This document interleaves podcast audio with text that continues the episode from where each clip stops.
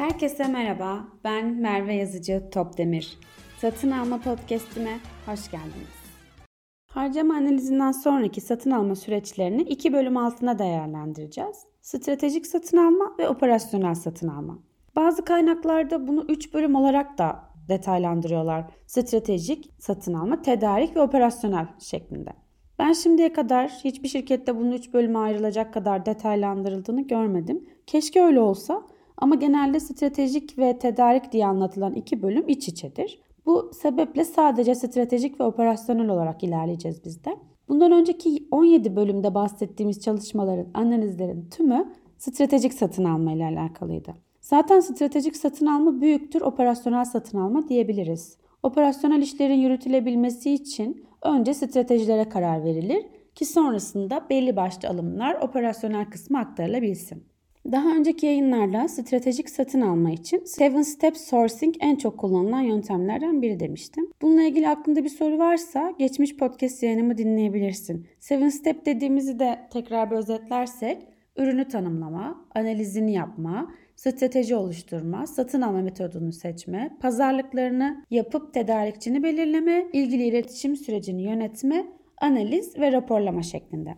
Tüm o bahsettiğimiz kralcık matrisleri, SWOT'lar, Porter'ın 5 gücü hepsi en çok stratejik satın almanın kullandığı metotlar.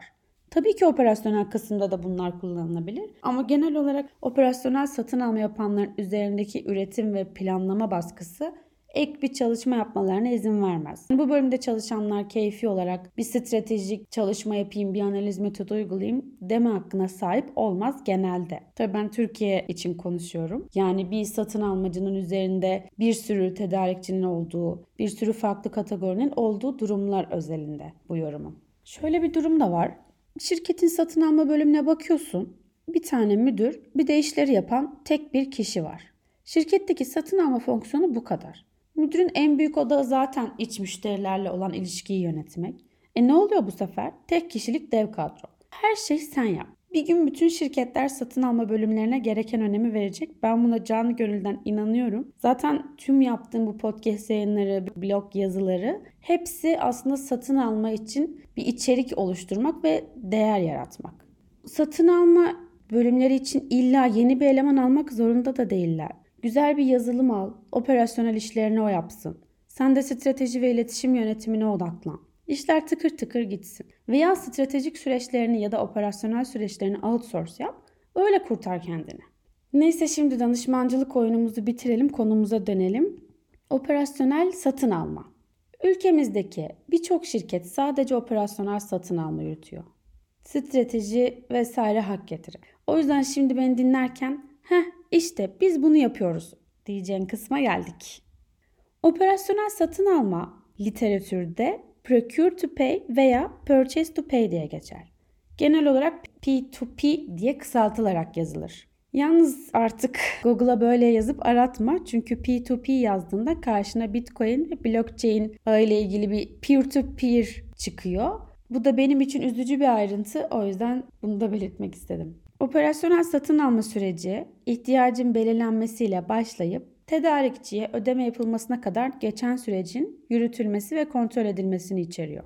Yani literatürde geçen operasyonel satın alma tanımı bu. Talebi de operasyonel satın almacı belirler, planlamayı yapar.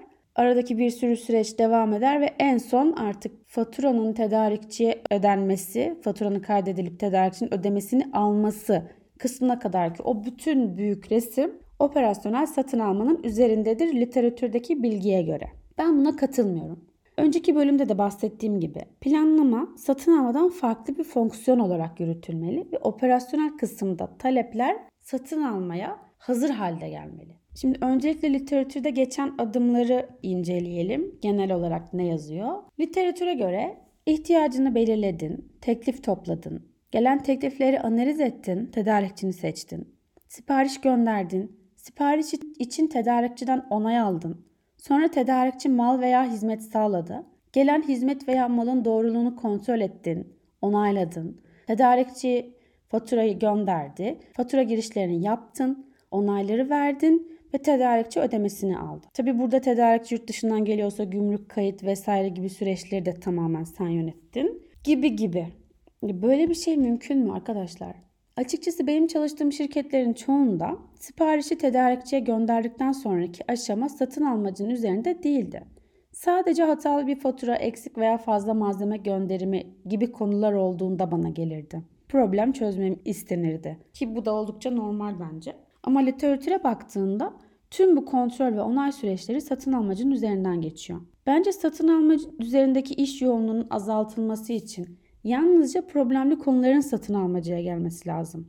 En mantıklısı bu bence. Çünkü zaten problem o kadar çok ki. Sadece problemlere baktığında bile rutin işlerini ilerletmekte zorlanıyorsun. Siparişin gönderilmesine kadar olan kısım bile aslında ne kadar kısa gibi gözüküyor ama değil. Sadece 2-3 adımlık kısımda bile bir sürü problem çözerek ilerliyorsun. Bari problemsiz giriş, kayıt, onay kısımları farklı bölümlerin üzerinde olsun. Ödemeden sonra yapılan kağıt kürek işlerine girmiyorum bile. Benim tecrübeme göre ise literatürden bağımsız olarak durum şöyle. En başta dedim ya bu analizlere procure to pay veya purchase to pay deniyor. Bunu procure to pay olarak alıyorum ben. Procurement zaten tedarik için kullanılır. Purchase de satın alma için kullanılır. O halde tüm bu ihtiyacın belirlenmesinden ödemelerin yapılmasına kadar olan süreci ben procure to pay olarak adlandırıyorum. Ve diyorum ki procure to pay tedarik zinciri. Yine tedarik zinciri içerisinde ihtiyacın belirlenmesi kısmından sorumlu bölüm, tedarik zinciri içinde yer alan planlama ekibi, gelen ihtiyaca göre tekliflerin toplanması, tekliflerin analiz edilmesi, sipariş gönderimi, siparişe istinaden tedarikçinin onayının kontrolü, satın alma üzerinde.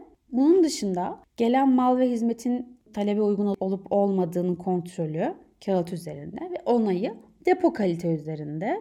Gelen faturaların, gümrük kayıtlarının vesairelerin girilmesi de artı ödenmesi muhasebe üzerinde. Benim için operasyonel satın alma bile olsa yapılan işin aslında görev dağılımı böyle olmalı.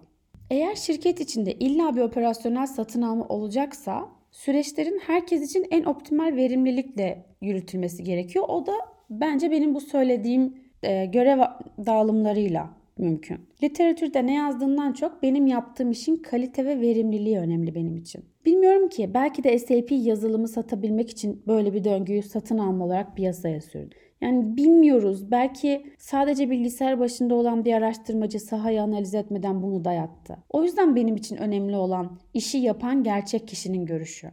Yani bu durumda bu ben oluyorum şu an. İsterse bütün tedarik zinciri yayınları, operasyoneli böyle anlatsın benim doğru olduğunu düşündüğüm güçler ayrılığı değişmeyecek. Bunlar tabii ki benim sadece doğru olduğuna inandığım düşüncem. Hadi bakalım Merve sen operasyonel satın almacısın. Bu işlerin hepsini yap dedikleri zaman oturup mümkün olan en iyi şekilde, en verimli şekilde işlerimi tabii ki yapacağım. Ben yapmam demiyorum. Doğru olduğuna inanmıyorum diyorum. Bunun da altını çizeyim. Stratejinin havalı mühendislik analizlerine kıyasla tedariğin kişisel gelişime faydası olmayan iş yükleri elbette biraz moral bozucu. Ama ne diyoruz? Her şey değişir, işler yeniden şekillenir. Yeter ki sen ihtiyacın olanı doğru kişiden istemeyi bil. Bir sonraki bölümde görüşmek üzere. Hoşçakalın.